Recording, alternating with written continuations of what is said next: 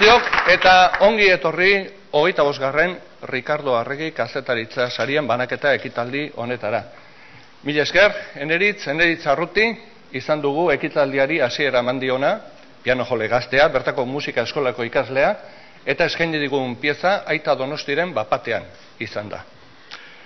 Ongi etorri, Kristina Uriarte, kultura zailburua, Ana Carrere, Andoingo alkatea, ongi etorria, egun hona emango digu ere epaimaiki dei, hemen izan dugu epaimaik, epaimaiaren eh, lehendakari, Ainara Rodríguez, bertako alkate orde eta euskera zinegotzia, ailan debuten, ordenean joango naiz, ez ainaren arabera, eh? ailan debuten, Jose Rojas, Idur Eskizabel, Beatriz Zabalondo, eta idazkari lanetan aritu den Arantza Guado, e, bertako udaleko euskera teknikaria. Gezurra badirudi ere, hogeita garren ediziora iritsi garra. Batzuk, batzuk bai, segurazki gogoan izango duzue, laro bederatzi garren urtean, hemen egitzen e, lehen ekitaldi ura, e, beste batzuk ez, ez behiratu, zezuek jaiatzen jaten jaiota. Eh? E, euskerazko kazetaritza bultzatzeko eta e, indartzen laguntzeko jaio zen e, sari hau.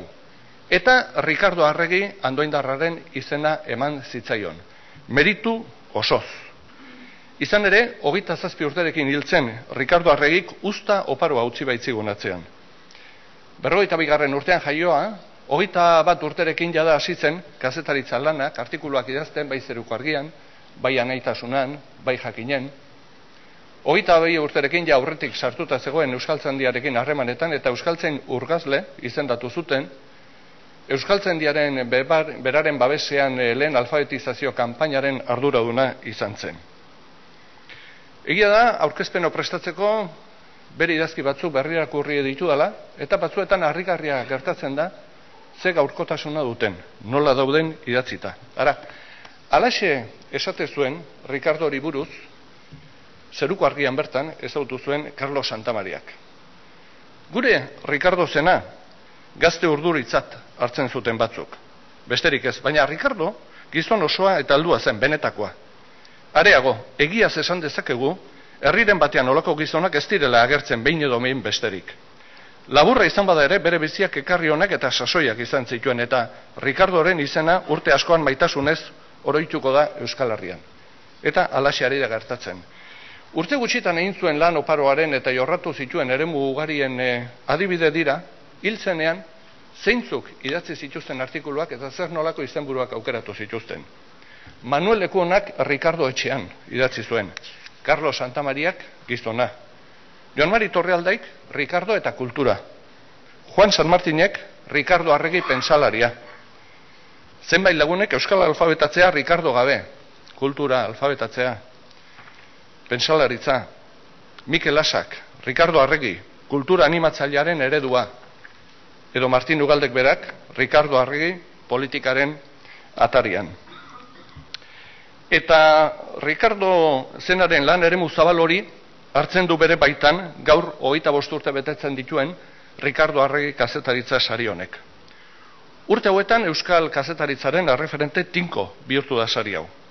Eta horretarako izan da, izinbestekoa izan da, bultzatzaile eta antolatzaileen lana, epaimaikiden lankidetza, baina saria sendotu balin bada, batez ere, urtea joan eta urtea etorri, sarituek egiaztatu duten kalitateagatik izan da. Ibelbide oparo honen berri, emango digute, nere azurmendik eta Iñaki Elolak, beren beregi, gaurko sari emanaldirako prestatu duten erreportai honetan.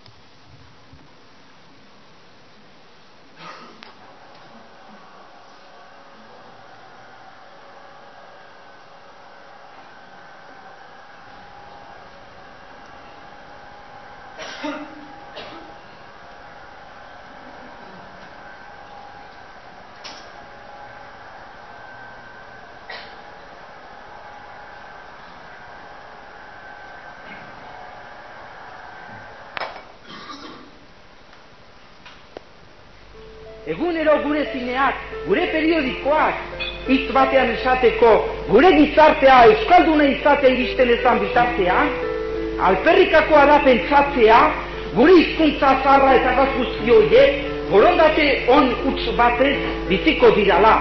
Ez.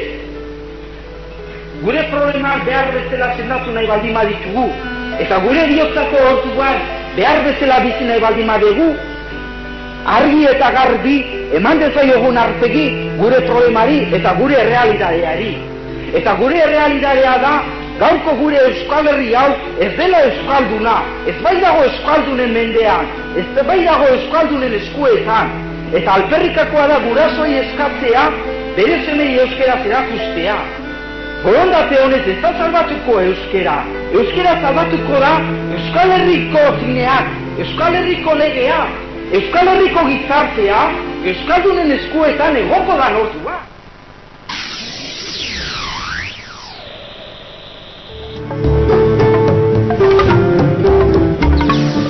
Orain dela ia mende erdi, Euskaraz nahi zituen Ricardo Arregik periodiko eta zineak. Batzuetan zen besteetan, erdera da oraindik nagusi, baina gauza asko aldatu dira orduz geroztik, gauza asko gertatu dira. Eta Ricardo Arregi eta beste hainbat aintzindariren bideari segituz, Euskaraz kontatu dituzte aldaketa eta gertaera horiek Euskarazko edabideek, Mila beratzen eta laurogeita zortzian, Euskarazko kazetaritza bultzatzeko eta indartzen laguntzeko sortu zuen andoaingo udalak, hogeita posgarren ediziora helduden Ricardo Arregi kazetaritza saria, bigarren ediziotik Eusko Jaurlaritzaren diru laguntza duena. Euskarak artean etzeukan egunkaririk, orduan txe sortua zen tokiko edabideen edapen azkarra eragingo zuen Arrasate Press. Euskal Irrati Telebista Publiko ere gazte-gaztea zen. Orduz geroztik egin duten bidean lagun izan dute Euskarazko edabideek Ricardo Arregi saria.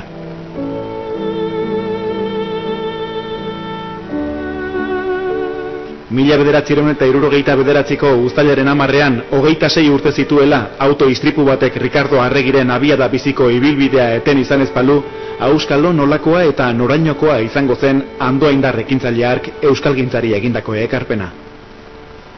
Nahikoa izan zituen ordea, seizazpi urte euskalgintzan, kulturgintzan eta herrigintzan oso gutxik bezalako arrastoa usteko. Idatzizko arrastoa, zeruko argian, jakinen eta anaitasunan utzi zuen batipat mila beratzen eta irurogeita irutik aurrera, garaiko euskarazko kazetaritzaren erreferentzia nagusi eta ia bakarraietan. Kazetaritzan ere, hautsak arrotuz eta molde berriak proposatu. Hainbat lagun eta lankiderekin batera bere izena daraman sariak sendotu nahi duen euskarazko kazetaritza modernoaren oinarriak jarriz.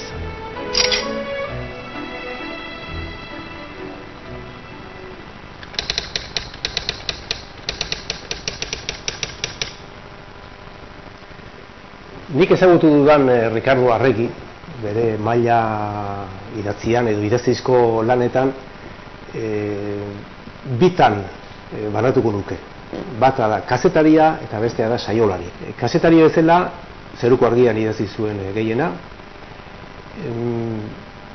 ugari, e, hain urte gutxitan egiteko irureun bat artikulu, ba, ba ez da gutxi, e, garai hartako iturak ezagututa, orain askoz gehiago idazten da, zertan esanik ez da. E, gero bere gaietara etortzen bagera ba, ikusten dugu e, edozer gai asko erabiltzen zituen, edozer gai, gai asko erabiltzen zituen, baina maiteenak mm, politika askoak zituen, e, gizarte arazoa eta politika zituen. Baina hain zuzen ere gai horiek frankismo garaian, zentsuraren garaian, gaina bete-betean zegoen zentsura urte haietan, ba, ezin ziren euskera, eta ez gaztelania ere ezin ziren erabili. Orduan, bere jokamoldea zein izan zen. Ba, e, politika erabiltzen zuen, baina nazio artekoa. Nazio arteko politikaz e, idazten zuen, eta e, nazio artekoaz idatziz, hemengoaz ere ari zen. Konplizitate hori, beti egon izan da e, zentsura garaitan e, idazlearen eta irakurlearen artean, eta horrek errezten zuen e, bide hori. E, Argeliari buruz e, izegin zezakeen, ba, hitz egiten zuen e, deskolonizazioaz, edo marxismoaren joera desberdinetaz, edo herrien e, pizkundeaz, eta gai pila bat erabili zituen, beti kanpoan kokatuta, baina irakurleak hemen kokatuta ulertzen zituen. Eta uste dut hau, pedagogia lan hau oso interesgarria izan zela, eta aldi berrian lortu zuela baita ere, hemen guek ere, ba, pixka bat informatuagoak egotea. Eh? Zen, eta hemengo mundua ere oso itxia zen, informazio gutxiko eh, mundua zen, e, lortzen zena beti zatika lortzen zen eta osotasun e, falta bat e, bagen nuen eta bar. Hori beraz, kasetari bezala, esango nuke, gaien aldetik oso lan polita egin zuela eta gero estilo aldetik nik uste bera izan zela gule bere aldiko lehen kazetaria. E, gramatikalki txarra da, Ricardo. Hori, badakigu, berak ere bazekien hori eta baina periodistikoki oso ona da.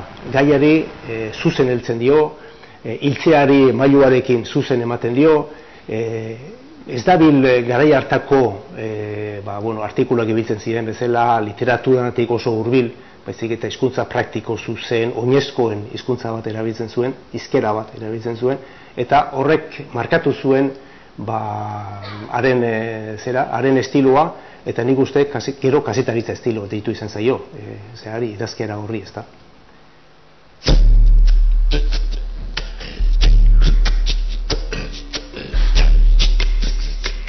Lau ataletan banatu ziren sariak mila bederatziren eta laurogeita zortzitik laurogeita bederatzirako lehen edizioan. Hiru emango dira aurten. Ricardo Arregi kazetaritza saria, kazetari berria saria eta epaimaiaren sari berezia. Hogeita bost urteren buruan maiz aldatu izan dira atalak Euskarazko kazetaritzaren eta edabideen bilakaera islatuz. Edizio gutxi batzuetan izan ezik, orezko aipamenek eta aitormen bereziek ere izan dute tokia sari banaketa ekitaldietan. Ricardo Arregi kazetaritza sariak sailkapen zaharkituak gainditu ditu. Euskarri berrietara egokitu da eta bien bitartean Euskal kazetariek eta Euskarazko edabideek heldutasunaren bidean egin dituzten urratzen berri eman du urtez urte utxik egin gabe. Eta urtero, uztaren alerik honenak hautatzearen ardura kontu handiz osatutako epaimaiko kideek hartzen dute euren gain.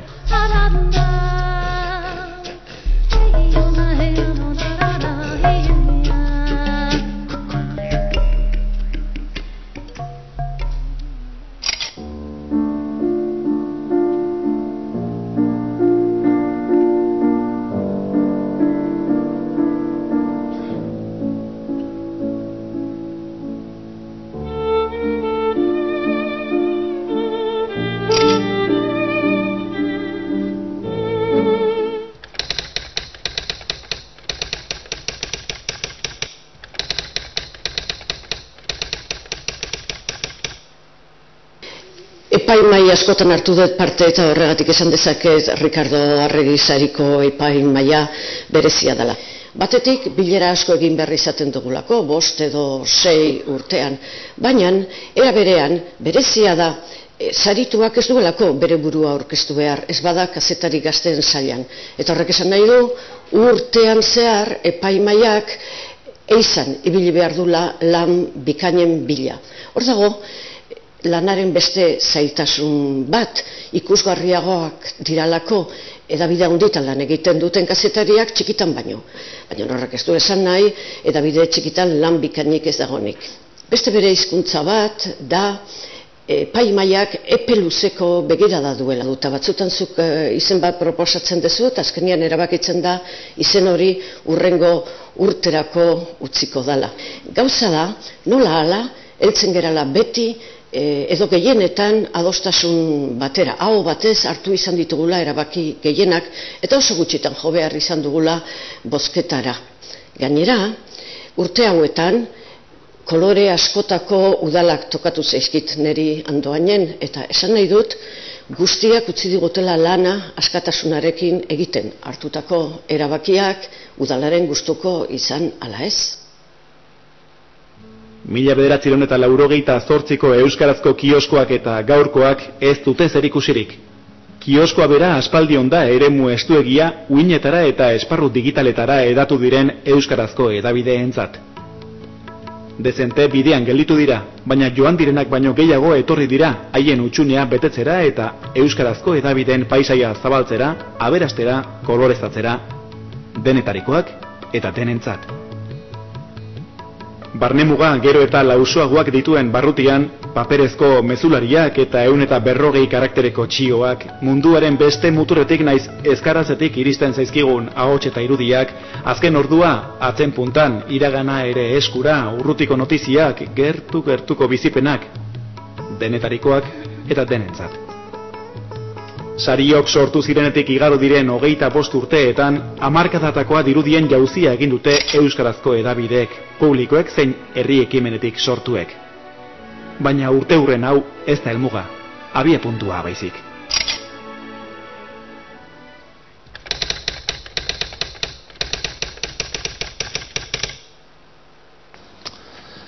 Herri ekimenekoa garen neurrian eta euskaraz jarduten dugun neurrian gure egitekoa hiztun komunitateari lotua dago. Gure atzetik ez dago talde politiko ero ekonomikorik, ze gure egintza soziala da. Eta beraz, e, gure helburua eraginkortasun soziolinguistikoari lotua dago.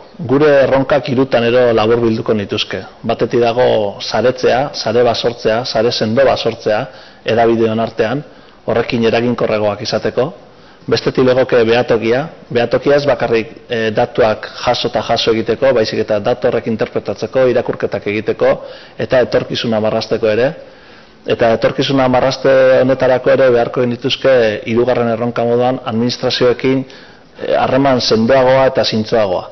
E, administrazioarekin gauza asko dugu hitz egiteko, diru laguntza direla, publizitatea dela, behatokia bera, eta etorkizuna bera ere bai lehen posible izan ezpazen ere, orain gaur posible da eta berrogeta marre edabidetik gora diardugu lanean eta gogoz.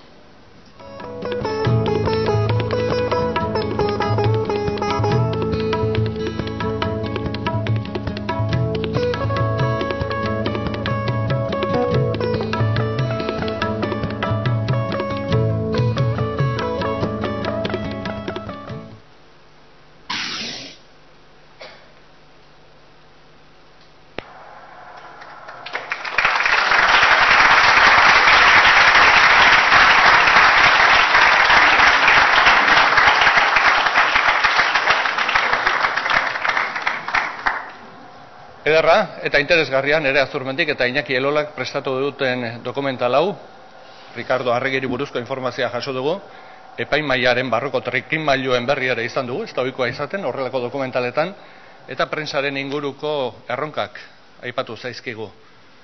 Joan diren aurpegi batzuk ikusi ditugu, saria jaso zutenean hain ezagunak etziren batzuk ere bai, gaur egun oso ezagunak direnak, eta orain, ondoren, sari banaketari ekingo diogu. Baina aurretik, Kristina Uriarte Kultura Zailburua eta Ana Karrere Alkatea oholtzara deituko ditut. Eta Ana Karrere andoengo alkateari emango diotitza. Zure da ditza. Eskerrik asko. Egunon guztioi eta ongi torri. E, egun guztiak ez dira berdinak eta e, gaurkoa berezia da eta handia da. Ricardo Arregi sariaren ogoita busgarren urte hurrena ospatzen ari gara. Euskarazko kazetaritzari errekonozimendu ezagutzeko, e, saritzeko eta sustatzeko Euskal Herri mailako sari nagusiena. Andoango udalatik sortu eta bultzatu zen saria. Ta noski, andoain herriak abiatu zuena, andoain darrandi baten izen aukeratu zuen. Ricardo Arregi. Euskal Herriko historian, euskeraz egindako kalitatezko kazetaritzaren bultzatzaile eta ezinbesteko erreferentea. Ogoita bost urte hauetako ibilbidea pentsa ezina izango zen, kazetari, epaimaikide eta antolatzaile lanean diardu izan duten pertsona guztiei esker. Baina proiektu guztietan e, gertatzen ohi denez, beti izaten dira e, bideari lehen harria edo urratsa ematen diotenek. Mila behatzi ireun da sortzian, sari hau abiatu zuen taldeari, eskerreko hitzak helarezin nahi dizkiet. Zuen ekimen txalogarri hau eskertu nahi dizuet, ekimenari heldu zenioten unean bertan, aitortu baitzenuten euskarazko edabideak estrategikoak direla gure herriarentzat. Euskarazko edabiderik gabeko euskal herria ulertzea saia egiten baizaigu eh, gutako askori. Orain, hogeita urte Ricardo Arri kazetaria sortu zuten pertsonak, ezagutzera man nahi dizkizuet. Carlos Han, alkate zela, euskeraren normalizaziorako batzordekideak, hauek dira Joseba Erkizia, Xavier Ruizi, Peio Jauregi, Jose Manuel Azpiazu, Udal e, Euskara Teknikaria, Patxi Bastarrika, Herritarrak, Bitorean Ogartzia, Isi Arantza, Marian Ibai Barriaga eta Arantxa Lizarri bat. Denei, eskerrak hemen nahi dizuet herriaren partez. Andoain izenean gu guztion, sorion eta eskerri beroenak helarazi nahi dizue Ricardo Arregi kazetaritza saria hasi zenutenei.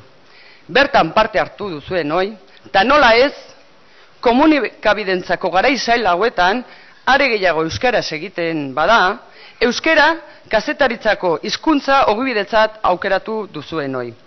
Sinisten duzuelako estrategikoak direla euskarazko edabideak. Zuen konpromesurik gabe ezingo genuke urtero hemen elkartu. Herri modernoagoa izatera eramaten gaitu zuen. Mila esker den hori.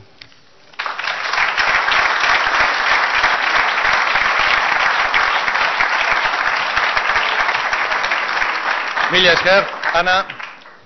Ibon Sarasolak onela deskribatzen du Ricardo Arregiren estiloa. Kazetaritzan oso estilo bizia zuen, eta hor bere ekarpena handia izan zen. Hainbat jende jarri zuen astero herriak eta gizonak irakurtzen. Zentsura mariatzeko abila zen, den ere Joan Mari Torrealdaik aipatu dugu. Nazioarteko artikuluak beti gure egoerara aplikatuak irakorri behar ziren, eta hor trebezia bazuen hainbat gauza kontatzeko kontatu espalitu bezala lerro artean irakurtzera esaten den hori. Andoingo udalak banatu zuen lehen horrezko aipamena, argitaratu ziren lehenengo euskerazko aldizkaria eman ziren. Ba, bitxia da nun argitaratu ziren? Kalifornian argitaratu bai ziren. Eta gaina faksik mil batzuk atera zituen. Eskualdun gazeta eta eskualerria. Merezi du irakurtzea benetan gauza harrigarria eta daigarria daudelako. Ricardo Arregik, handik irurogeita amabos, laro giruztera, artikuluak idatzi zituen gutxi gora bera formato berdintxoa zeukan zeruko argian. Ba, nola idazten zuen? Ba, ikus dezagun, nolakoa zen estilo hori. Etxean behira, ba, genituen aldizkari zar batzuk, eta bada artikulu bat, polita, Kanadako frantzesak eta Isabel Bigarrena, zatitxo bat irakoriko dut. Kanada guztian inglesak dira gehien, eta frantzesak gutxien. Hortaz, frantzesak indar gutxiago dute inglesak baino. Inglesa aurrera dijoa, frantzesa atzera. Dirua gehien inglesen eskuetan dago, eta gainera, gobernu federalak, Kanada guztiko gobernuak, ez dizkio ia bat ere txampon ikusten Quebeceko gobernuari. Eta Quebecek, industria zabaltzeko, irakaskuntza hobetzeko eta bar, diru hoiek behar. Hoiek danak direlata, azkenengo urte hauetan, Kanadako frantzesak abertzale batzuentzat eta separatista beteentzat bihurtzen hasi dira. Esaten dutenez, Quebec zeharo independentzi duna izan behar duela eta ez daukala inglesak eh, gehien diran gobernu baten mendean egon behar. Askatasun hori iristeko bi partidu dira indar gehien dutenak. Partidu batek askatasun hori legearen barruan, violentziari gabe bakarrik lortu ditekela esaten du. Besteak berriz, violentziaren bitartez bakarrik. Danadala, Isabel Bigarrena, inglesen erreginak kebekera datorrela jakin dutenean, izugarrizko insultua bezala hartu dute, eta pres daude edozin gauze egiteko erreginari kebeketik gogoramen txarrak usteko. Gezurra badiru diare, artikulo mila behatzerun da irurogita laugarren urtean idatzita dago. Guk gogora mentxarrak ez, gogogramen onak utzi dizkiguten bi medio saritu nahi, ditugu aurtengo e, sari berezi honetan, o esango dut, orezko aipamen berezi honetan. Ez bat, baizik eta bi. Eta orezko aipamen hauek nortzuk irabazi dituzten, argituko digu orain bertan, epaimaikide idurre eskizabelek. Zure da hitza idurre.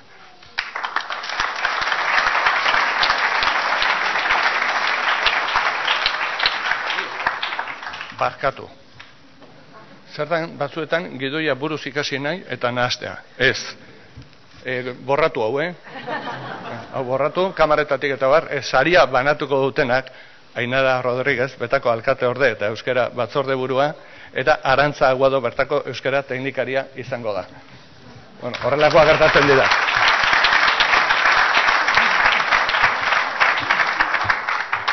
Bueno, egun on denoi eta eskerrik asko, etortzeagatik. E, Ricardo Arregi kasetaritza zariak, hogeita bost urte betetzen ditu 2000 amairugarren honetan, eta gogo honez hartu dugu ospakizun hau. Batetik, hogeita bost urteotan, aukera izan baitugu Euskaraz egindako kazetaritza lan bikainak saritzeko.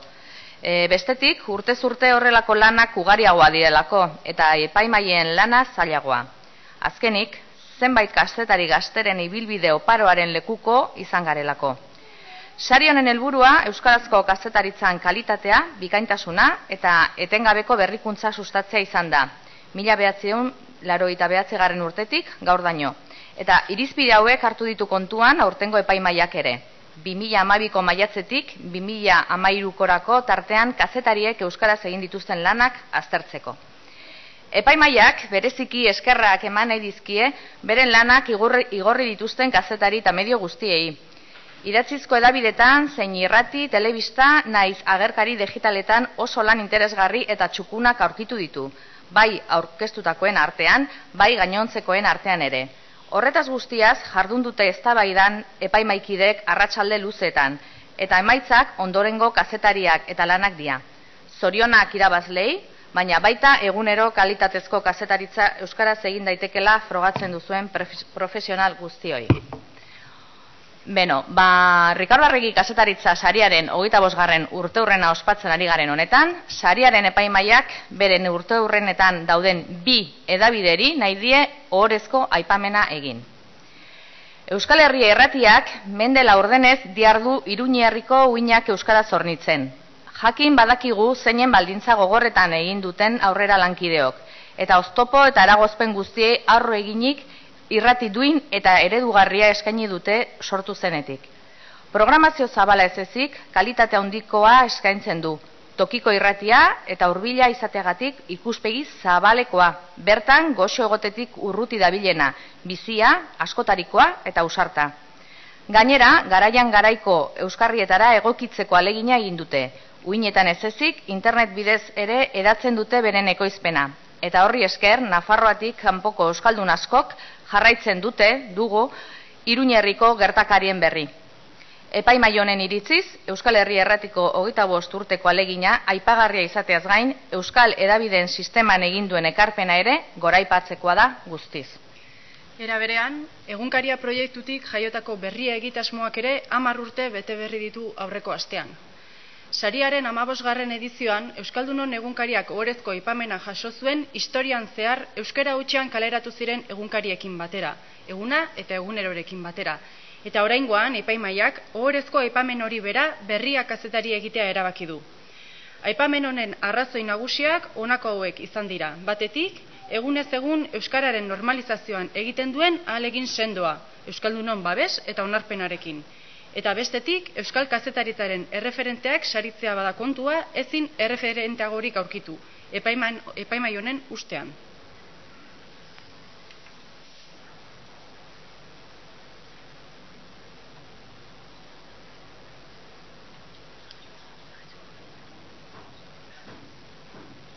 Topagune eta erreferente izan nahi dugu, gure iruñerria nagusiki erdaldun honetan, sakabanaturik bizi den eh, Euskaldunon hizkuntza komunitatearen zat. Eta alaber gizarte zibilaren zat, Nafarroa ofizialaren berri ez ezik, Nafarroa errealaren berri ere jaso nahi duen eh, jende horrentzat guziaren zat.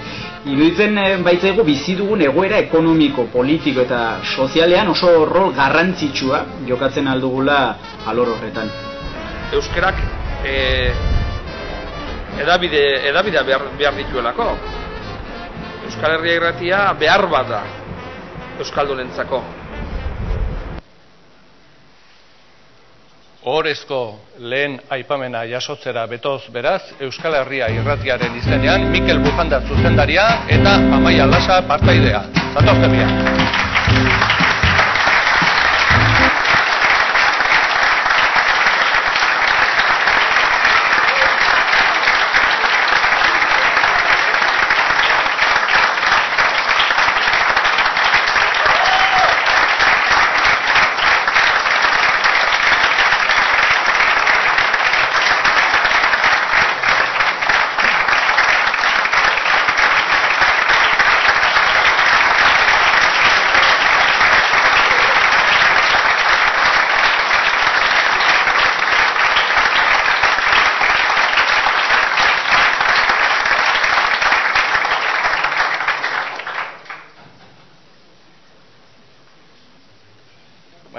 Txotze, Mikel.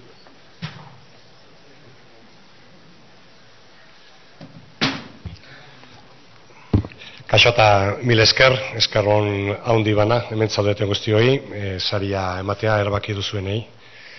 Eta pentsatu nahi dugu, mm, sari hau egiten digutenagatik baino gehiago dela, egiten dugunagatik, eskentzen dugun zerbitzuagatik, baina hoi ere arrokeria litzake, eta behaz e, hartuko dugu sari hau e, besterako mezu batean egin dezagun, egin dezagun hobeto, egin dezagun e, gehiago. E, akulu bezala edo asto zarari, azukre koskorra ematen zaio moduan, ematen zitzaio moduan. Eta egin zer, pues, egiten ari garena, edo bintza saiatzen ari garena, Iruñarriko Euskal Jendeari komunikazio zerbitzu bat eskaini, egun ez egun, alden modu funtzionalenean eta aldi berean e, interesatzen zegu, komeni zegu, iruñarrian ere, Euskara izan dadin, hizkuntza erabilia, indartsua, eta horretan ere konprometitu eta gaude. Oita bost urte, joan dira, bete, ez dakit, bete ditugun, joan zaizkigu bai, oita bost urte, eta oendik ere aprobetako fasean gaude. O, martxan jarri ginenean, asmoa bai genuen, handik gutxira geure egoera legala e, izatea, ba, beste edo zein edo modukoa, eta behaz hortik e, aritzia, baina e, hoi iritsi horretik martxan jarri eta hortxe zitzen dugu provisionalidadean.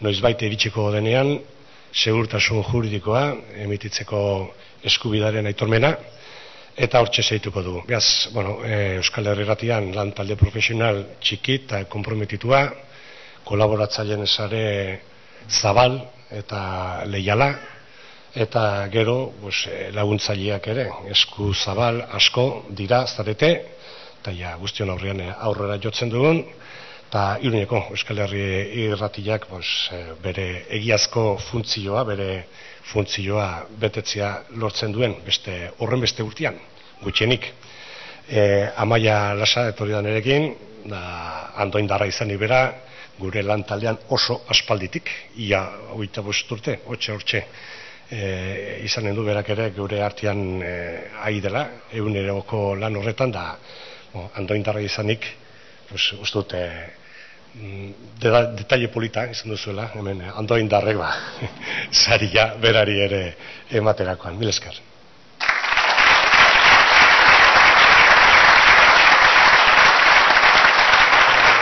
Zorionak. Euskal Herria irrateari, ondoren, horrezko bigarren aipamenari dagokion bideo ikusiko dugu.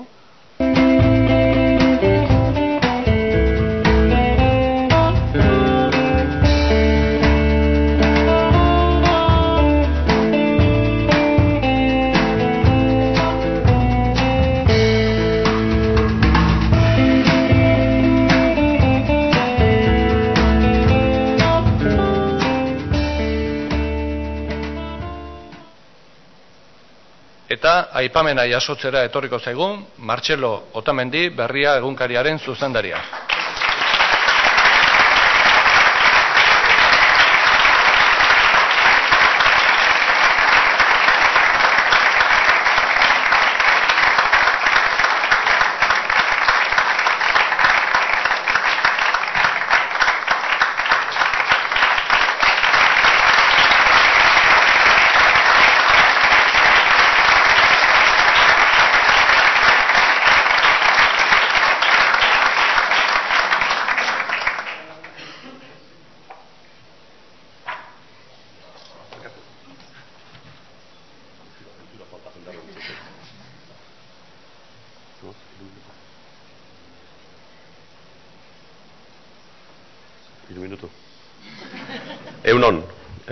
Eskertza, iraganaren aitorpena,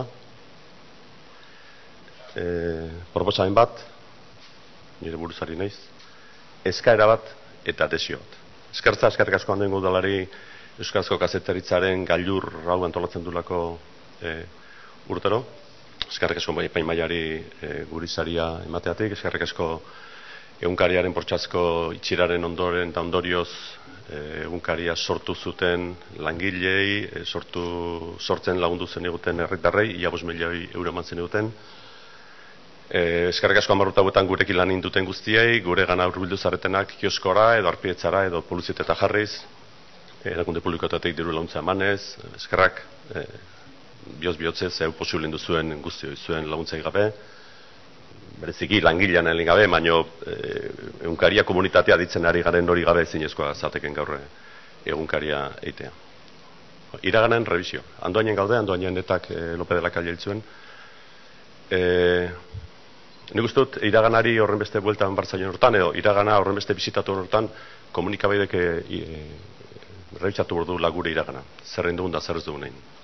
Eta eruzait, Ricardo Derri sari benaketan andoainen, leko egokia dela itortzeko, niri daukidanez, e, Lope de la Calleen e, eriotzaren eta tentatuaren e, garai hartan e, igual profesionalegei jokatu nuela, hau, hau gaza personal bada, jokatu nuela eta ez nintzela, ez nintzela e, gehiegi urbildu, ez ginela urbildu tragedia ura jasatuen e, zuteni. E, beraz, ustete, egokia dela gogoratzen doainen, e, ura gertatu zela eta ez genula, ez nuela e, zuzen jokatu horretan. Uste dut, komunikabidek ere inbar dugula iraganaren revisioa, bakoitzak inbarko du bere. Eta nire sartuko bestek e, zer intzuten ez zuten ingo, baina uste egokia dela hori ipatzen. Proposamen bat, e, ezin dugu e, sektorea eta administrazioetako euskaltzaleak borroka baten ibili beti.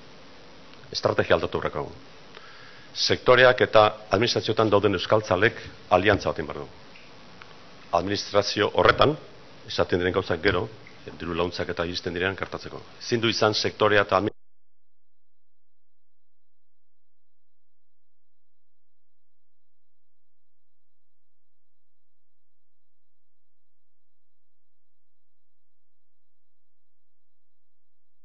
Zimenta beste hau zasko, baino diru alortzeko. Eskara bat, e, kristina hori arte zelburuari, ez izut diru eskatuko. Normalik talde hauetan, dirua eskatzen da, ez behar ez dugulako. Eskatuko, eskatuko izut, elkarzeta bat, gure kazetari dozkatala, euna joan deuna etorri, esaten zuri eskatzeko elkarzeta bat, lege gintzaldi horretan horrendik ez dituzulako eman. Eta inor eman ez bazenio, ba, esango nuke, zeizki gustatzen elkarzetak. Baina nola manda euskazun batzuk, eskatzea izut, elkarzeta bat ematea gure, zagoza simple eskatzen izutan, hori oso gure ofizioa da, telefono bat ditu, eta izu elkarzeta nahi dugu, bueno, aprotxatu nire toren, elkarzeta eh, eskatzeko. Esan gabe doa, esan gabe doa elkarrezeta profesionala eta egin dugula, kalitatzezko ingo dugula. Saiatuko gara elkarrezeta hortan daton duteko Ricardo Arregi saria irabazten. Baina ez badu irabazten ere, elkarrezeta bat ingo izugula. Bai? Eta bukatzeko, desio bat. E, Gogoratu nahi dut, kazetaritza saria den gaudelako, egineko zuzendaritzako kideak kartzelan daudela horrendik nire ustez e, prozedura judizial injusto baten ondorioz. Gogoratu nahi dut, Josmari Zalakain, lehen ipatu ditu, ditugun euskal Euskazko kazetariaren aita ama horietako bat Jusmari Zalakain izan zen, bestatzuk ere bai. Eta goratu nahi, Jusmari Zalakain kartzelan daula, modu justu batez. Goratu nahi dute Xaber, Javier Salutergi, eh, Teresa Toda, eta misan soiluko kidatzuko arendik kartzelan daudela. Eta horiek kartzeletik berritu gula. Eta berritu batzuk kartzeletik atera, eta besteak kartzelan edo epaigelan sartzen utzi, eta goratu nahi dut, egunkari hauzian, hauzi ekonomikoan oraindik hori konponduko dela, oraindik itxigabe daula. Eta Juan Mari Torrealdai, lehen ikusi duguna, Jose Mari Sors, eh, Iñaki Uria, eh, Txema Uzmendi, Albizu, eta beste batzuk, Mikel, beste batzuk daudela horrendik epaiaren zai, epaiaren zai ez, epaigela sartu zai, eta gauzak ez baitu konpontzen epaigelan sartu dituzela, eta uste badala garaia hauzi hori bengo zisteko hauzete, donostiako hauzete porentzalean. Besterik ez, bizitza luzea kazetaritzari, Euskarazko kazetaritzari, eta egun hona pasa.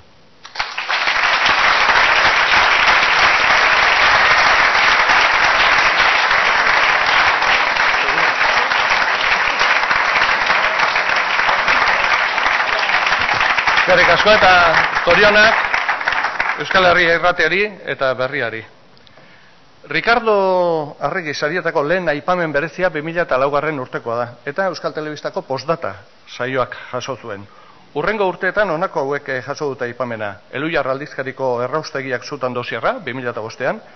Euskadi Erratiko Kostaldeko Trenak, 2000 eh, bederatzean, Imanol Murua, idazleak loiorako egiak liburuagatik 2008an, erle aldizkariak amaikan, eta sautrela saioak 2008an. Eh, Aipamen horietan, kazetaritzarekiko pasioa egita, egiten den lanarekiko konpromisoa dago. Pasioa eta konpromisoa hitzak ere bat datoz Ricardo Arregiren bizitza eta edatziekin. Alaxe idatzi zuen Euskaltzalen jainkoa hil behar dugu artikuluan. Honela, kontzientzi eta rebeldi berri bat jaioko da. Euskaltzale berria gizon erreboltatu izango da. Euskaldungoa berrasmatu beharko da, Euskaldunaren gizon gintza ez da izango lehengo gizartearen gizara moldatzea. Sortu eta izateratu beharko dena baizik. Erreboltatua denez Euskaltzale Berriak lenda bizi bera sortu den e, giroan zabalduta dauden kateak lertu beharko ditu. Bere gizatasunaren autonomia rebendikatuko du. Hitz hauek badute zerikusia gaurko aipamen bereziarekin. Irabazleari buruzko xetasunak, orain bai, epaimaikide, idurre eskizabelek, emango dizkigu.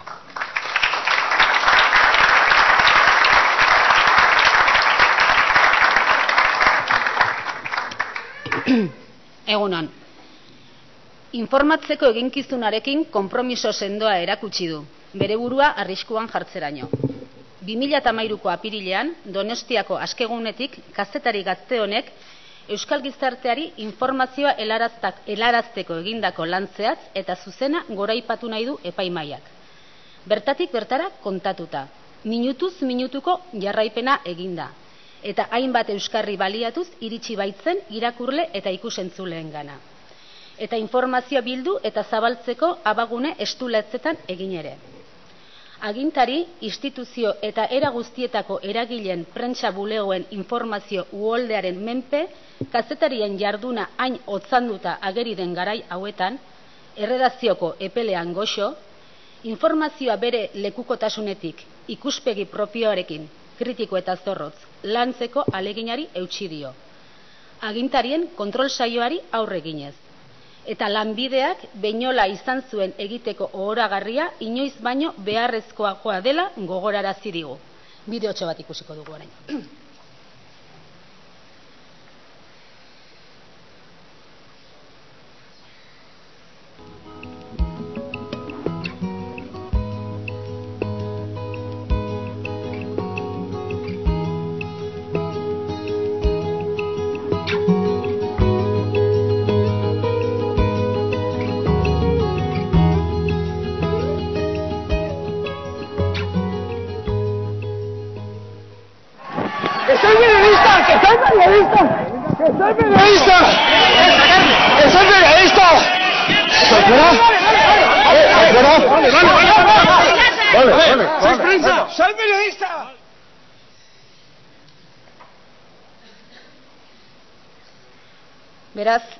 Honengatik denagatik, epaimai honek, aipamen berezia egin dio Lander Arbelaitz kazetariari, Donostiako askegunearen inguruan egindako lana eta erakutsi, erakutsitako jarreragatik. Beraz, igo dadila.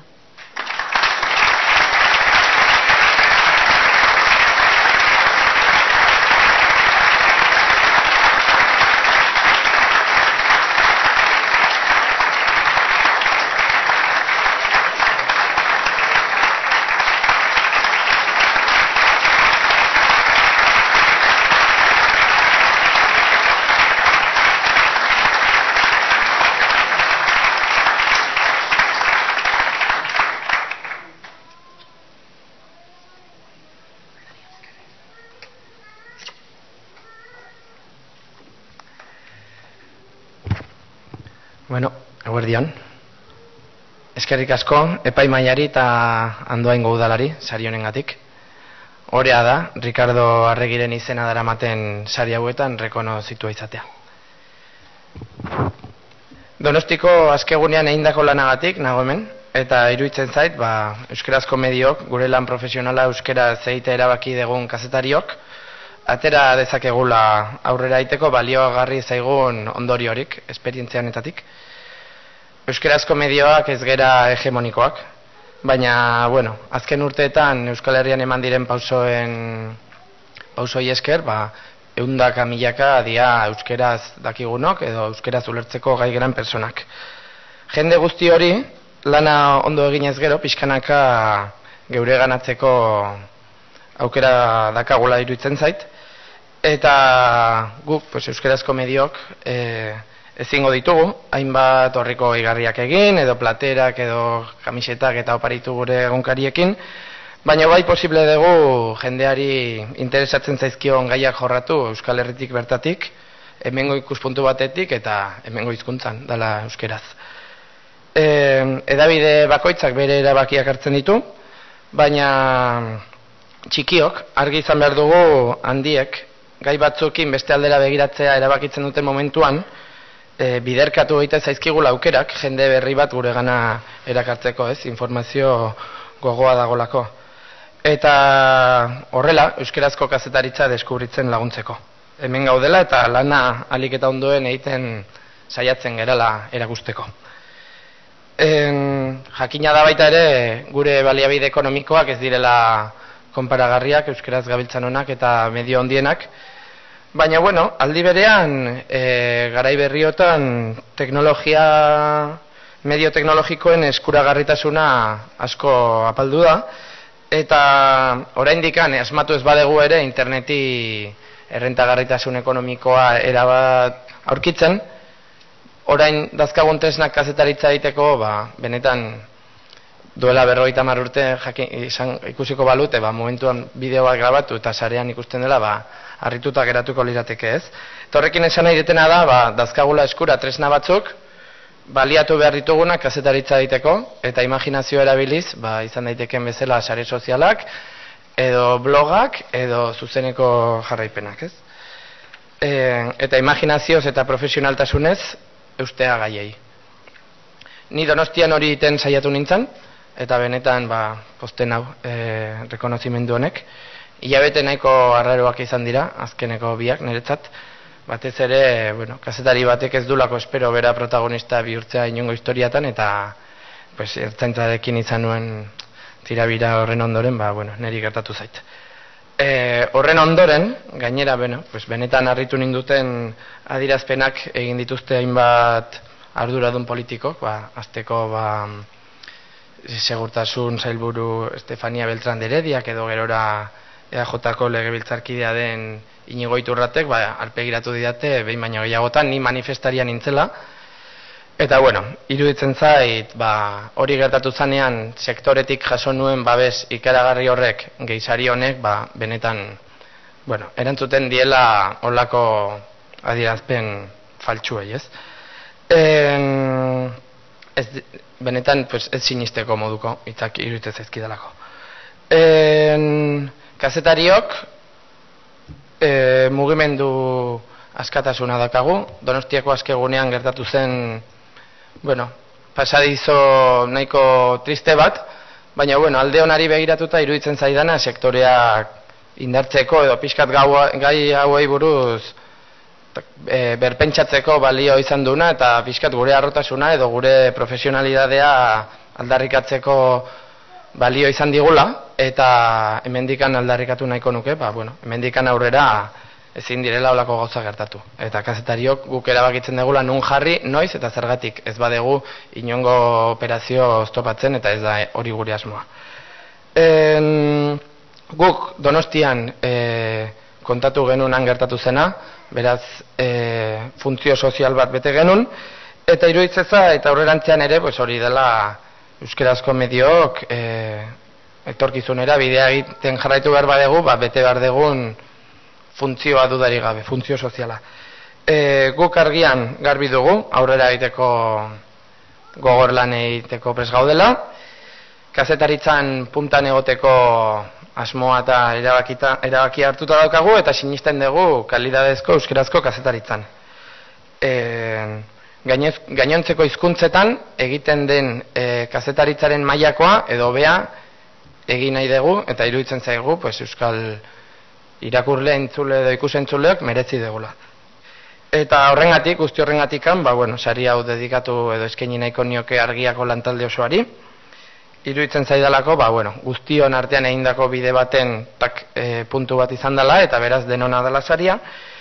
Eta bide batez, baliatu nahiko nuke aipamen berezi bat iteko, ba, azken amabi urtetan argiako zuzendaria izan den, eta hor zuen artean dagoen, eta iraietik aurrera lekukoa pasako duen Xavier Letonari. En, bera izan da, edo, bueno, zuzendari izan da ni argian sartu nahi zenetik, eta, bueno, nik uste dut zaila dela, niretzat bintzat, ba, bueno, e, aukera gehiago edo izatea leku batean un ideiak proposatu eta egin edo nazioartera bidaiatu Ego Afrikara, Ipar Irlandara, Eskoziara, hori hogeita piko urteko kazetari bati ba, ez dala egunero gertatzen diren aukerak e, izaten eta horrengatik ba, bueno, esker bereziak eman nahi dizkio Xabierri, konfiantza horrengatik.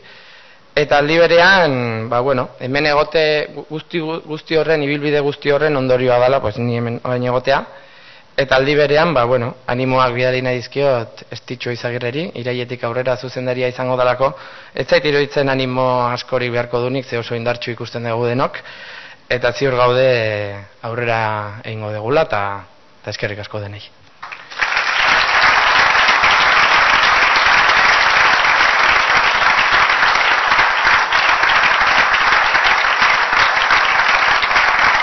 Zorionak, Lander, Horezko saria eta ipamen bereziak eman ondoren, beste artista gazte baten musikaz gozatzeko aukera izango dugu. Berau ere, andoingo musika eskolako ikaslea da, gitarra jolea da bera, joko digun pieza Fernando Sor kompositoraren estudio izango da. Zuekin, Alejandro Mercado. Txalo.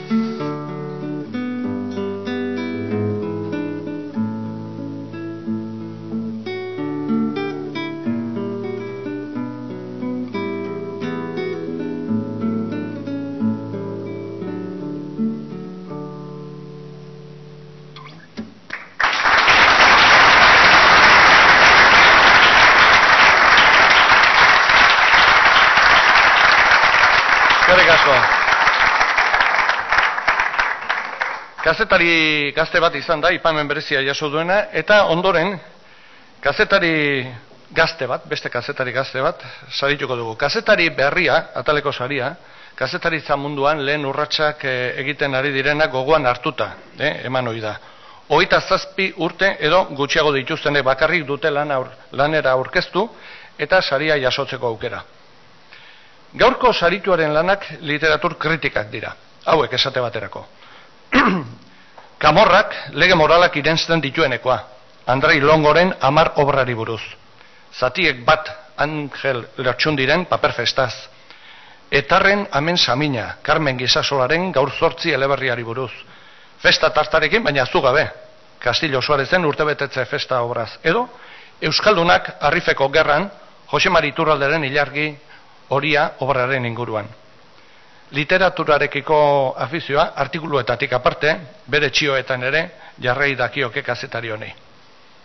Sartreren esku zikinak liburua irakurri, eta hause idatzi zuen Ricardo Arregik, mila bederatzireun eta iruro eta sortzian.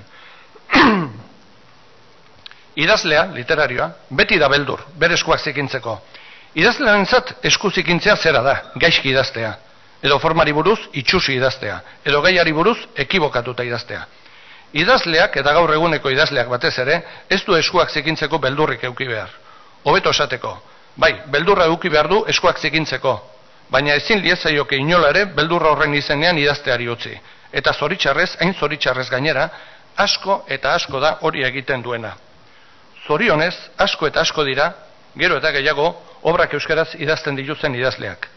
Gaurko kazetari berria sariaren irabazlea lekuko. Eta nor den Jose Rojas epaimaikideak argituko digu. Ez bera gaztea delako, epaimaikidea delako baizik. Torri, Jose.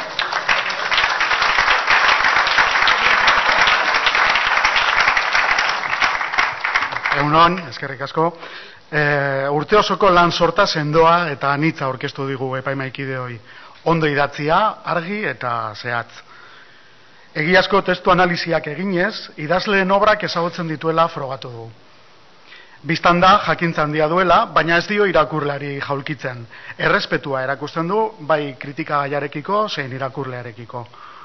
Testu inguruak, aipuak eta konparazioak oso ondo azaltzen ditu, bere burua irakurlaren gainetik jarri gabe. Nobelagile zein olerkarien ganako erakusten duen empatia azpimarratzekoa da. Letra ederrak eta idazleak zinez gustukoak dituela sentiarazten dio irakurleari. Gainera, literatur genero oro aztertzen du, jatorrizkoa naiz itzulpena izan. Azkenez, bere kritikak zinez arrazoitzen ditu. Iritzi mailan dabilela argi uzten du beti. Merituak eta demerituak ere jartzen ditu mai gainean, beti ere argi utzirik esaten duena ez dela egia borobil eta bakarra. E, bideo bat ikusuko jarraian.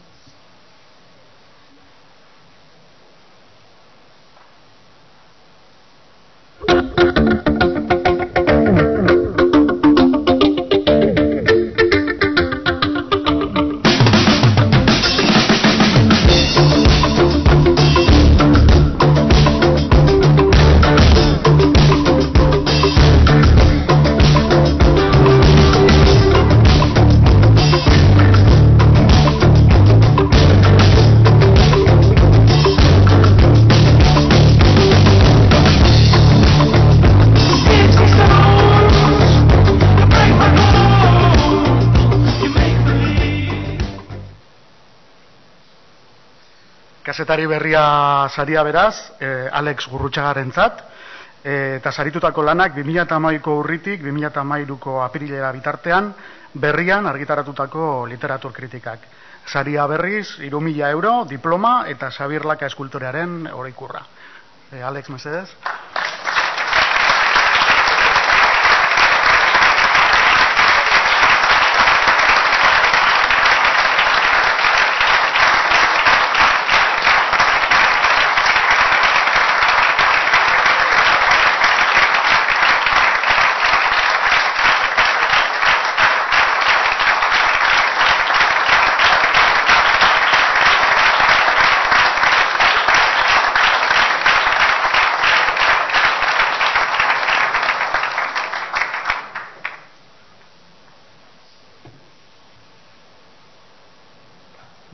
Nik eneukan ezer esateko asmorik, eta orduan luzatzen bana izastakeriren bat esango duan ez, ba, orduan labur robeto. Lehenbizi, bueno, eskerrak hemen zaudetan, oi, zeiluruari, akatean deareari, epaimeik eta gainerakoei, eta laburra izateko, ba, eskaintza bat, eta eskaera bat. Eskaini nahi nieke lana, niretzat eredugarri diren langile guztiei, kazetaritza munduan, eta kulturgintzan oro bar. Eta batez ere lana, beren lana hain ikusgarria ez denei, zen egunkaritan eta bar, lan asko dago eta asko ikusten ez dena, beraz, oiei guztiei, eta bereziki txilikuri hemendik.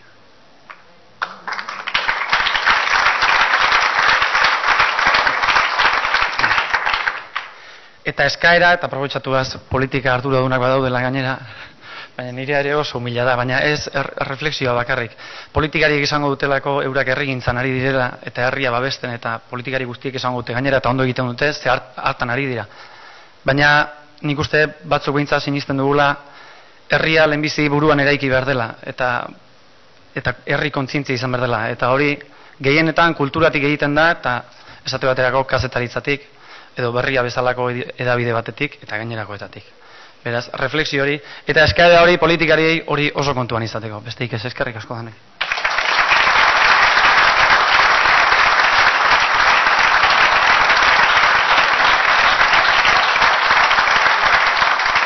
Eta ondoren epaimaiaren sari berezia. Aurten e, saria, herri aldizkari bateko kazetari batek jasoko du. Elgoibarko barren aldizkariko kazetaria da bera. Interneten pixat arakatzen ibili naiz, eta ikusi dut, kazetaritza lanekin batera, hainbat ardura hartzea ere egokitu zaiola urteotan. Artikuluak idatze ditu noski, ekitaldiak aurkeztu ditu, argazkiak atera ditu, hizkuntza ardura una izan da. Herri prensako, kazetari polivalentea eta multidisciplinarra, inundik ere. Norrote da saritua, bori Beatriz Zabalondo kargituko digu.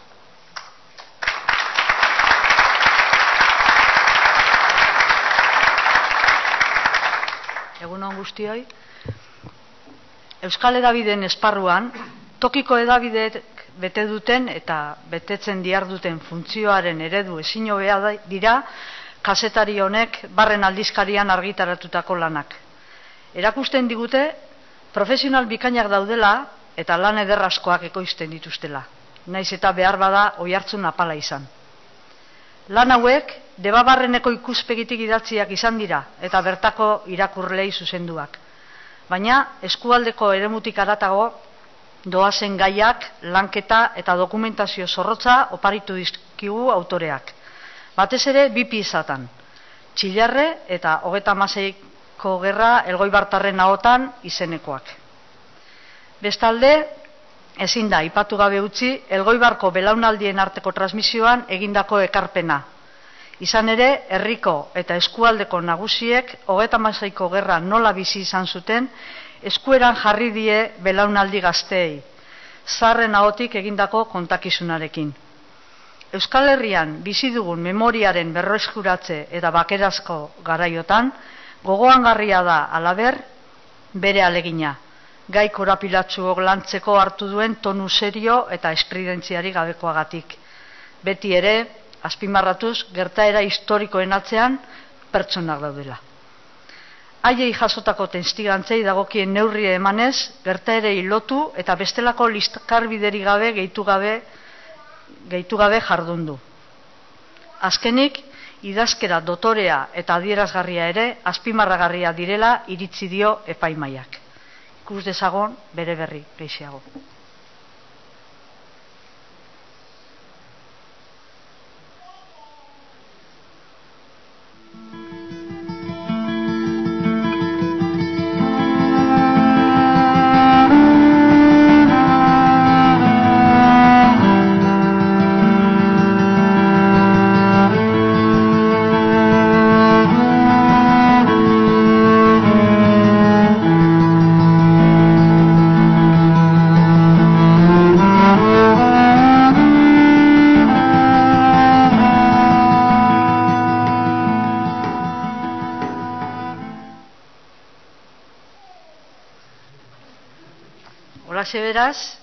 Sariduna ainara argoitia dugu.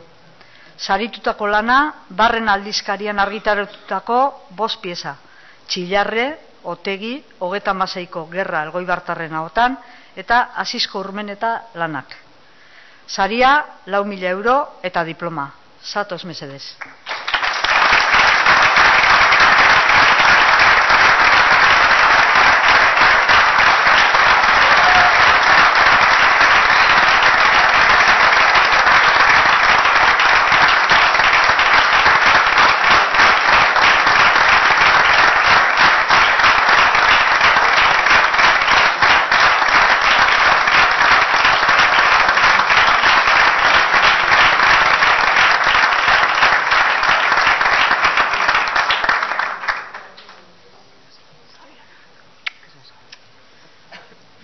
bueno, une denak entzun da ez dakit zeo ze ganorazko esaten asmauko duten, baina bueno, ez nago jende aurrian berbaitxera bitxuta eta barkatuko ez da zue zeo ze, zeo zetan ego, okerra esaten modeitzat. Bueno, lehenengo eta bain eskerrek asko, eskerrek asko manain etzake andoingo udalari, eta epaimaikuei, jakina, beti be estimagarrixia da eta beti be darra da, norberan lana ba, bueno, baloratzen dela ikustia, eta are gehiago, nik uste bentzat, eh, herriko komunikabide txiki baten indako lanak dianian, aipatzen dianak. Orduan, eskerrek asko zuei.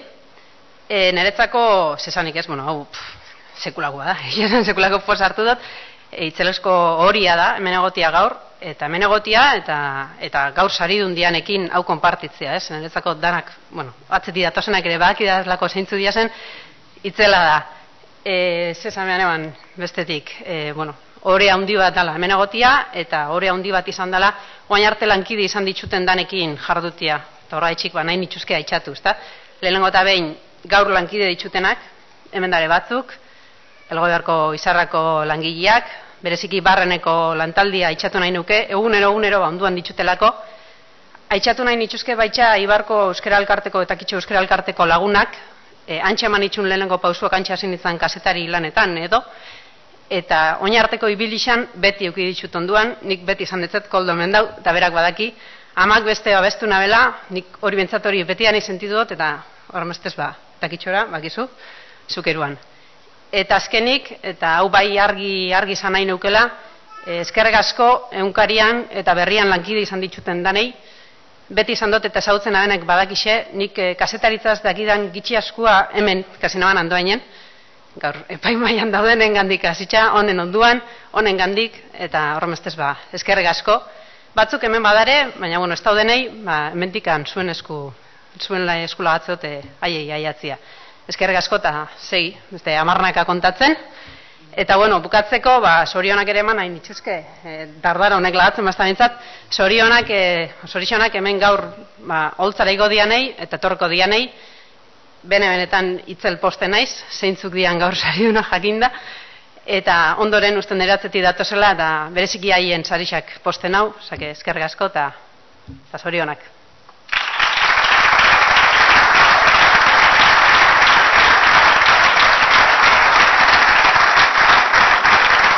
Zorionak, aindara, eta orain, aurtengo ediziokon sari nagusia banatzea besterik etzeko falta. Ez dira asko, kirol kazetaritzarekin lotuta eman diren sariak. Esango nuke, eta zuzenduko diazue, oker baliman abil, baina kirolarekin lotura zuzena izanik, sari hau jaso duen kazetari bakarra Xabier Usabiaga izan dela urte hauetan guztietan. Deno dakizun bezala, badira kirol batzuk bakarka jokatzen direnak, eta badira beste batzuk taldeka jokatzen direnak. Gaur, saria jasoko duena, ez da kazetari bat izango, kazetari talde bat baizik jazin, jakin dezagun beraz, zein taldeta zari garen. Eta zalantza, bat ere kiroltza leitxurarik ez duen, eh, ailande butinek. Argituko digo. Zatoz, ailande.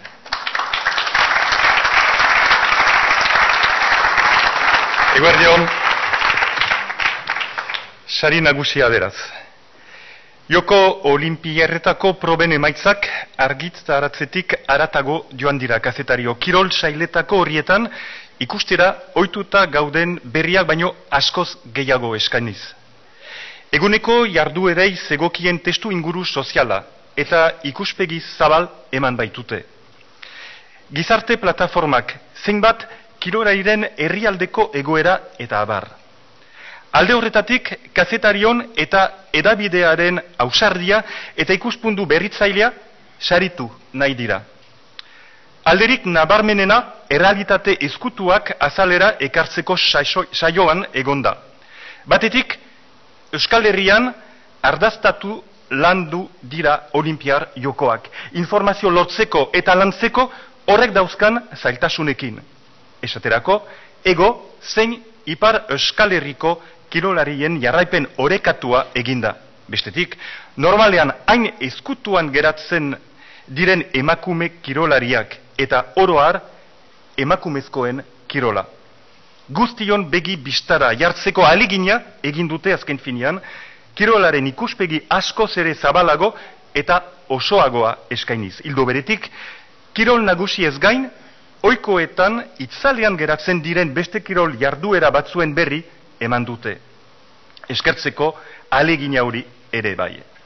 Formari erreparatuta, papereko produktuak eskaini dituen idazkera eta diseinu zaindua ere saritzekoak dira. Gainera, olimpiar jokoek iraun zuten bitartean jarrapen berezia egin zuten, sarean aratago, egokitutako diseinu eta tresnekin. Eta Londresen gertatzen ari zena etengabe kontsultatzeko modua eskaini zuten. Ikus entzunezko Euskarietan isla izan zezan ere egin zuten alegina eguneroko zuzenekoaren bidez. Eta hori ere kondutan hartu dugu. Ricardo Aregi kazetaritza sarien hogeita bost garren urte muga honetan, kirol saileko lanaren merituen ezagutzea, iraganden mende laurdenean Euskal Kazetaritzak ezaguturiko eburuzioaren adiazgarri da. Hots, arazo guztien gainetik aurrera egin duela indarrez eta talentuz. Eremu guztiak jabetuz. Eldutasunaren seinalea. Ikus dezagun bideotsoa.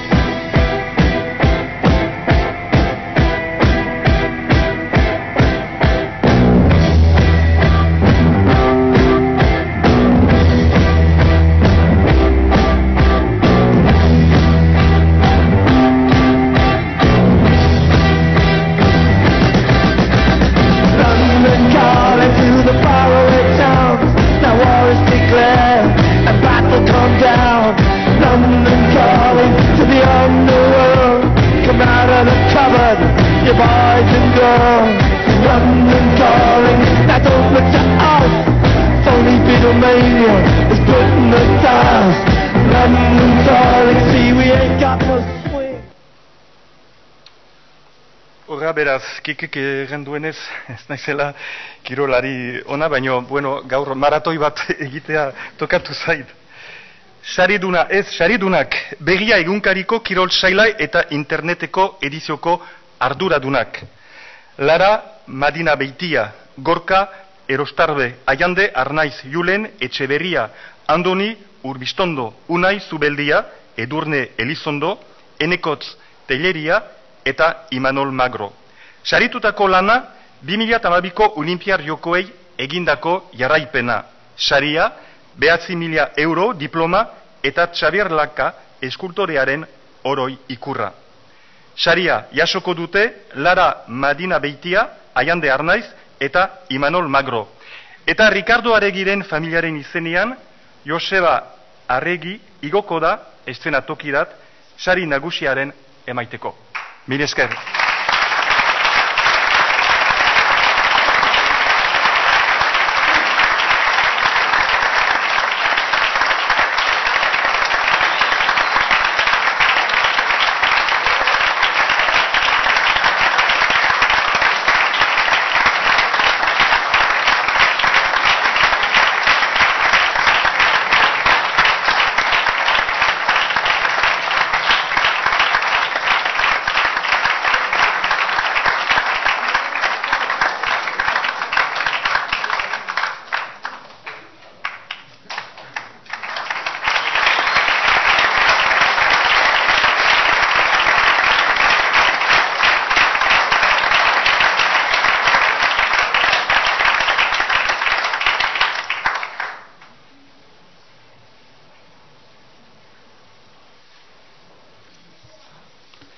Bueno, eguerri onden hoi, eta eskerrik asko, agintariei, epaimaiko kidei, eta inari ere bai, jo, zeitz politiak izan dituzun, gu ere posten gara zori saria eman dizutelako.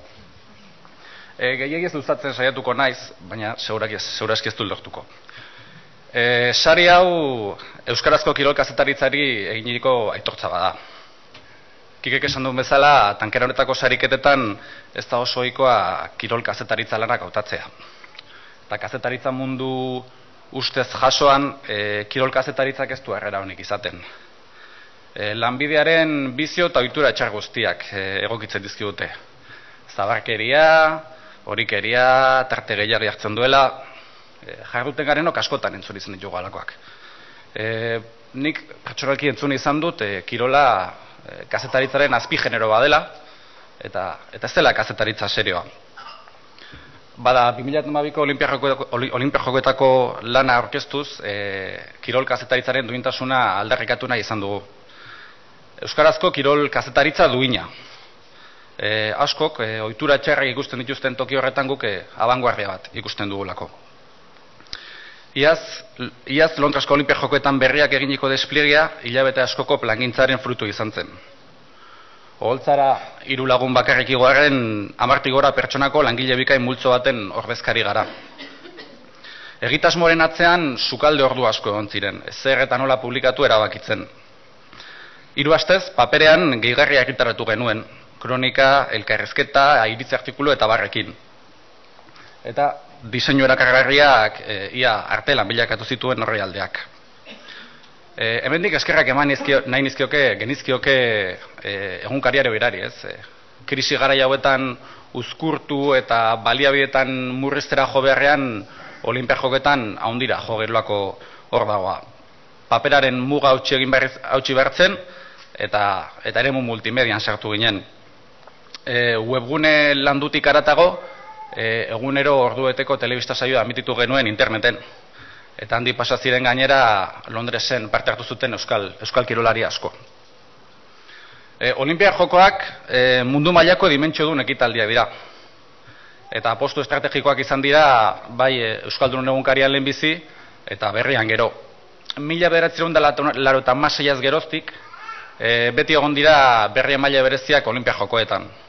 Atlantan, Sydneyn, Atenasen, Pekinen, eta e, aurrekoeko solan txukun nahi zutelako baguk e, Londresko katebegia gehitu diogu. Azken finean jokoi euskal ikuspegia ematea zelako, eta euskal parte hartzaileen testigantzak eta gazigozuak lehen eskutik, eta handik Londrestik e, hartu izatea. Eta noski e, mundu mailako izarren balentiekin eta markekin uztartzea. Maialen txorraut eta Usain Bolt azal berean kokatu genitun, edo Michael Phelps eta eta Maide Ronda. Hone iritsita, Ricardo Herreri sariketako antolatzailei ere eskerrona dira zinain nieke. E, Euskal kazetaritza sustatu eta kazetariengan grin berezi hori pizteko egiten duten lanaren gatik. Mendela horrena bada zerbait e, eta ere gehiago e, sariain mardula denean. Diru kontoi buruz hitzeitea publiko hitz egita ez omen da, ez omen da bereziki erramegantea. Baina sarituok e, publikoki jakinarazen nahi dugu berriak abian jarritako zure ziztada behar dugurekin kampainarekin bat eginez e, dirusari egunkariari emango diogula.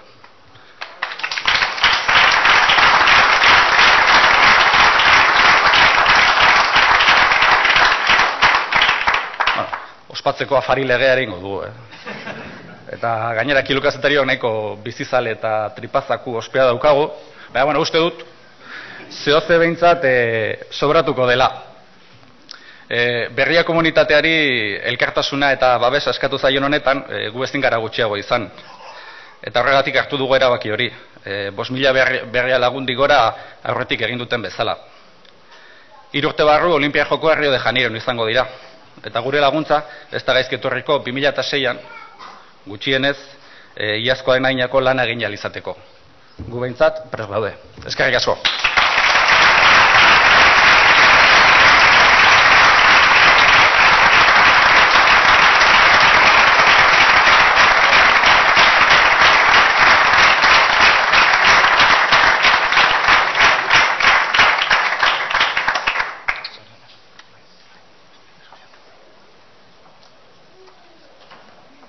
Bueno, bazorionak, lantalde guztiari.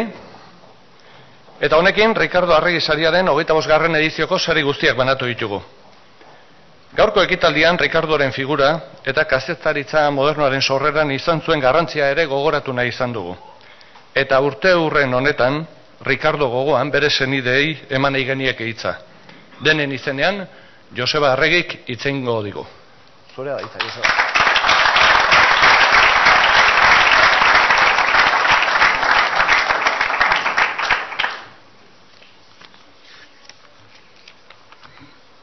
Eskerrik asko kike launa, alkate anderea, zailburu anderea, hizkuntz politikarako zailburu orde jauna, jaun andereak. Egun gutxi barru, dela berrogeita lagurte mendaroko bide bazterrean eriotzak harrapatu zuen oraindik hogeita zazpi betetzear zituen Ricardo. Bilbora bidean, Euskaltzaindiaren lehen berrogeita hamar urte betetze ospakizunetan parte hartzera, Gipuzkoako gainontzeko Euskaltzain bete eta laguntzaileak autobusez eta Ricardo lagun batekin, Ramon Saizar Vitoriarekin, kotxez. Lur argitaletxea sortzeko beharrezkoa zen argitalpen baimenagatik Gabriel Arestiri ordaina zen kotxean hain zuzen ezbeharrak ekarri zion eriotza, baina badira hiltzeko beste hainbat bide. bide bazterretan ez baina hilerrietako ertziduratan gehienek jasaten duten ahaztearena, gehienon etorkizuna izango den ahazturik gelditzearena adibide. Andoingo seme kutxun izendatzeak eta bere izena daramaten kazetaritza sariak sortu izanak ekidin, ekidin diote ahaztearen arriskuari Ricardoren kasuan. Baina nire iduriko Ricardok ezin izan du beste eriotz modu bat ekidin. Bere bizitza labur, baina betean izan zituen interesetatik, jorratu zituen gaietatik, ireki zituen leioetatik, bilatu zituen egietatik, bizi izan zituen esperientzietatik, bakar bati loturik irautea, gainontzeko guziak ahazturik edo bazterturik, asmoz edo besterik gabe horrela gertatu delako. Ricardoren oroimenak Euskarari loturik iraundu. Bere izan baizen Euskaltzandiaren baitan alfabetatze egitasmoak abiarazi zituena. Bera, kazetaritzari Euskaraz bultzada handi bat eman ziona. Ez da zilegi ordea bere memoria Euskararen aldeko lanei bakarrik lotzea. Askoz gehiago zen Ricardo. Bere baitan nahiko ertsirik bizi zen euskal gizartea mundu zabalera irekitzen ahalegin handiak egindako norbait marxismoari marxismo bota bat, mota bati mas lehenarekin lotutako marxismoari hain zuzen espiritua zabaldutako norbait txillardegirekin sozialismoaren inguruan eztabaida zorrotzak izandako norbait mendebaldean moldatzen ari ziren ezkertiar mugimenduak aztertu ikasi eta etengabe bereganatzen ziarduen norbait Markuseren inguruan burututako lanak lekuko. Euskal kulturak bizi zuen tradizioarekiko eta tradizio hau sagaratzen zuen jainkoarekiko menpekotasunetik askatzeko ahaleginak egin zituen norbait Euskal kultura eta gizartea modernitatearekin lotzeko asmo bizia bere egin zuen norbait. Esan beharrik ez, Ricardo ez zela bakarra, belanaldi bat zen zurrunbiluan murgildurik bizi zena eta zulotik iluntasunetik atera eta eguzki argitan bizi berri baten bila ziarduena.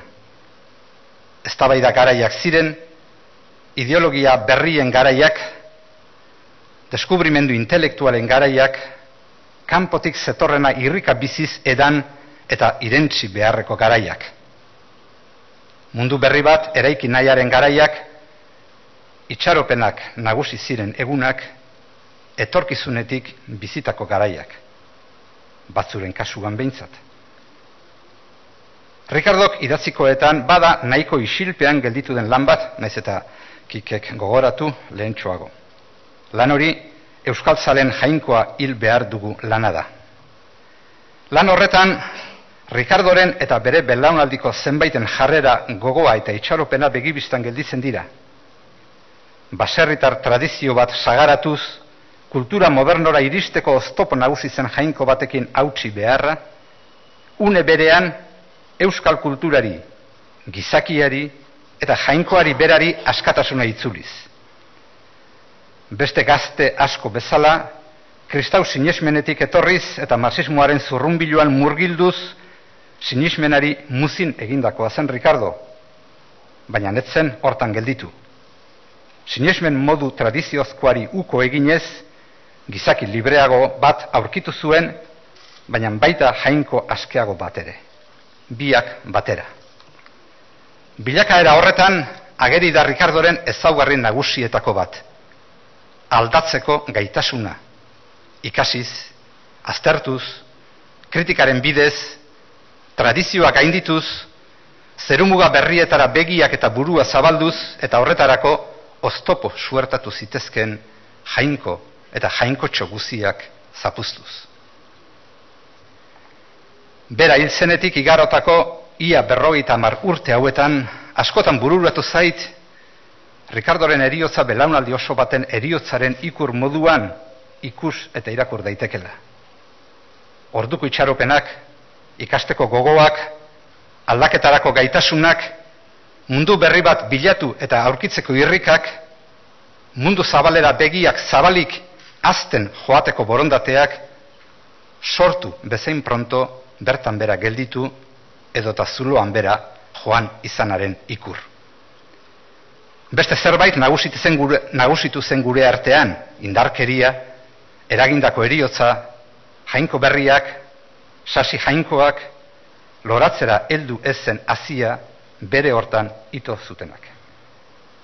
Aldaketaren ordez betikoari eutxi, biziaren ordez eriotza errege, mundu berriaren ordez ez zahar eta ez berri diren ametsak, amets gaiztoko mitoak, eztabaidaren ordez dogma behartua, era guzitako ideien ordez pentsamentu bakarra, hasi behar duena, parkatu, hasi, hasi behar zuena, arlosa pixu baten zamapean ito arte zanpatu duena.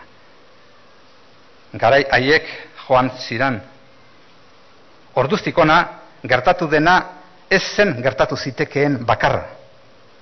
Beste aukerak eskure izan genituen, indarkeriaren dogmak deusestu ditu beste aukera guziak eta orduko itxaropenak suntzitu. Orain, oroimenaren memoriaren borrokan murgildurik omen gabiltza. Agian, Ricardorenak ziren ideia nagusi batzuk gogora ekarri beharko genituzke, etorkizunik nahi badugu. Eta etorkizun gaiden benetako oroimena landu nahi badugu.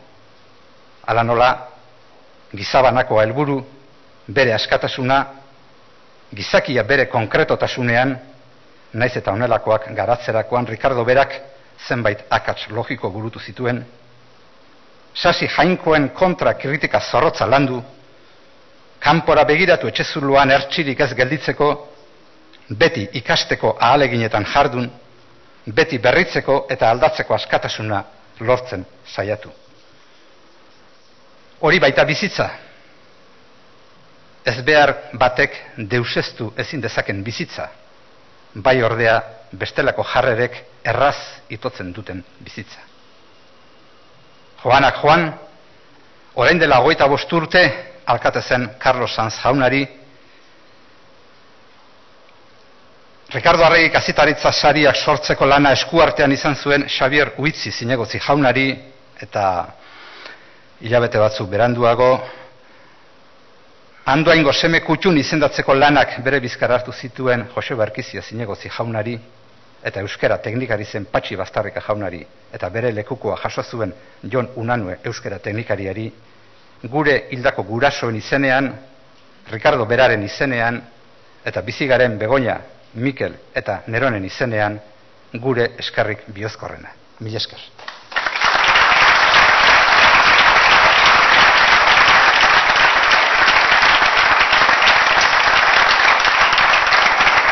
Mila esker, Joseba, hitz horien gatik.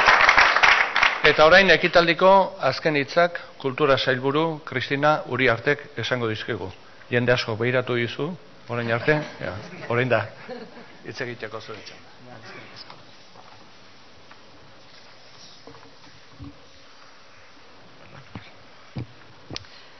Alkate Andrea, Ricardo Arregiren zenitarteko eta lagunak, jaun Andreak, egun on guztioi.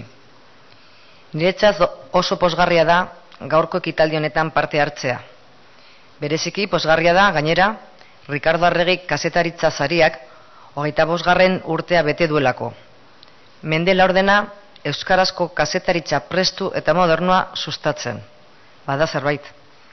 Horregatik, une hau aproposa da Ricardo Arregiren ekarpena eta mezua gogoaratzeko. Izan ere, Ricardo Arregik bere gaztetasunean eta zazpi urte eskaseko lanaldian usta ikaragarria utzi zigun. Gaurko euskal kazetaritza elikatzen jarraitzen duen usta oparoa. Bere artikulu eta saiakera lanetan, Ricardo Arregik gure gizartearen alderdi ezaugarri eta uste asko kuestionatu zituen. Lozorroan ikusten zituen euskal kultura eta gizartea. Europan eta munduan nabermentzen ziren pentsaera eta joera berritzaileak ekarri nahi zituen gurera. Euskarazko kasetaritzara eduki eta ikuspegi modernoak garaikideak ekarri zituen. Sasoi edo belaunaldi bakoitzean aintzindari bakan batzuek izan ohi duten aparteko zena erakutsi zuen. Ikuspen edo bizio aurreratu bat. Adibidez, etorkin uholdeak Euskal Gizartean integratu beharra aldarrikatu zuen indar berdinaz hil alabizikotzat jo zuen Euskal Gizartea Euskaraz alfabetatu beharra eta hildo berean Euskaldun beharra. Euskaldundu beharra, markatu. Gaur ere bizi-bizirik dauden ideiak, ezta? Bere idaz, idazgaiak eta edukiak garaiko informazio korrontetara eta arlo berrietara zabaltzen ale egin zen. Eta bere alegin horren azken hartzailea irakurle berria behar zuen izan. Belaunaldi berriek zekartzaten irakurle euskaldun jantziak. Euskarazko irakurleria tradizionalen lekukoa hartuko zuen belaunaldia beste formazio eta pentsamen moldekoa zen, eta ari begira irauli beharra zegoen gure kazetaritza. Ari begira eta baita Euskararen mundura, erakarri behar genituen Euskal Herriko beste gizalda, gizatalde askori begira. Hori da gaur ere Euskal kazetaritzak eta edabideek bete dezaketen eginkizun garratzitsuetako bat. Euskararen mundura, Euskarazko kulturara, iztun eta gizatalde berriak erakartzea. Egia da, azken hamarkadetan Euskarazko prentzak, bereziki tokiko prentza idatziak, milaka irakurle dituela irabazi Euskararen Baina Ricardok zioen bezala, ez gaitezen autokonplatzentzian eror, eta aitor dezagun beste inor baino alegin handiago egin behar dugula irakurle berriak erakartzeko, Euskarazko irakurle ikusle naizet entzuleak gogo betetzeko. Euskarazko edabideen konsumitzaileak oituraz formazioz, pentsamoldez eta joeraz askotarikoak dira gaur, duela berrogei urte baino askotarikoagoak. Oie, oiei guztiei neurriko eta gogoko edukiak ematea da gaurko erronka. Zer nolako kasetaritza egin eta zeintzak egin, horra gaurko kasetaritzaren gakot, gakoetako bat. Amaitu baino lehen, sorionak emain nahi dizkizuet, aurten epaimaiak saritu dituen egiloei. Zuen lan, zuen lan hauek lekuk, lekukat, lekukotasun garbia utzi digute. Orain, hogeita bost urte Euskarazko kasetaritzaren txat, arrotxak ziren alorretan, gaur prestu, harin, zorrotx eta trebe dabil Euskal kasetaritza. Ziur naiz, elburoiek lortxarren ekarpen bikaina egingo duzuela etorkizunean ere.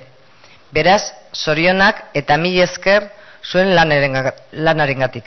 Eta mil esker baita, andoaingo udalari horren beste urtetan sari hauek eratzen egindako aleginagatik. Jaularitzarentzat posgarria da alegin hori zuen zuekin partekatzea. Ondoan izango gaituzte etorkizunean. Eskerrik asko.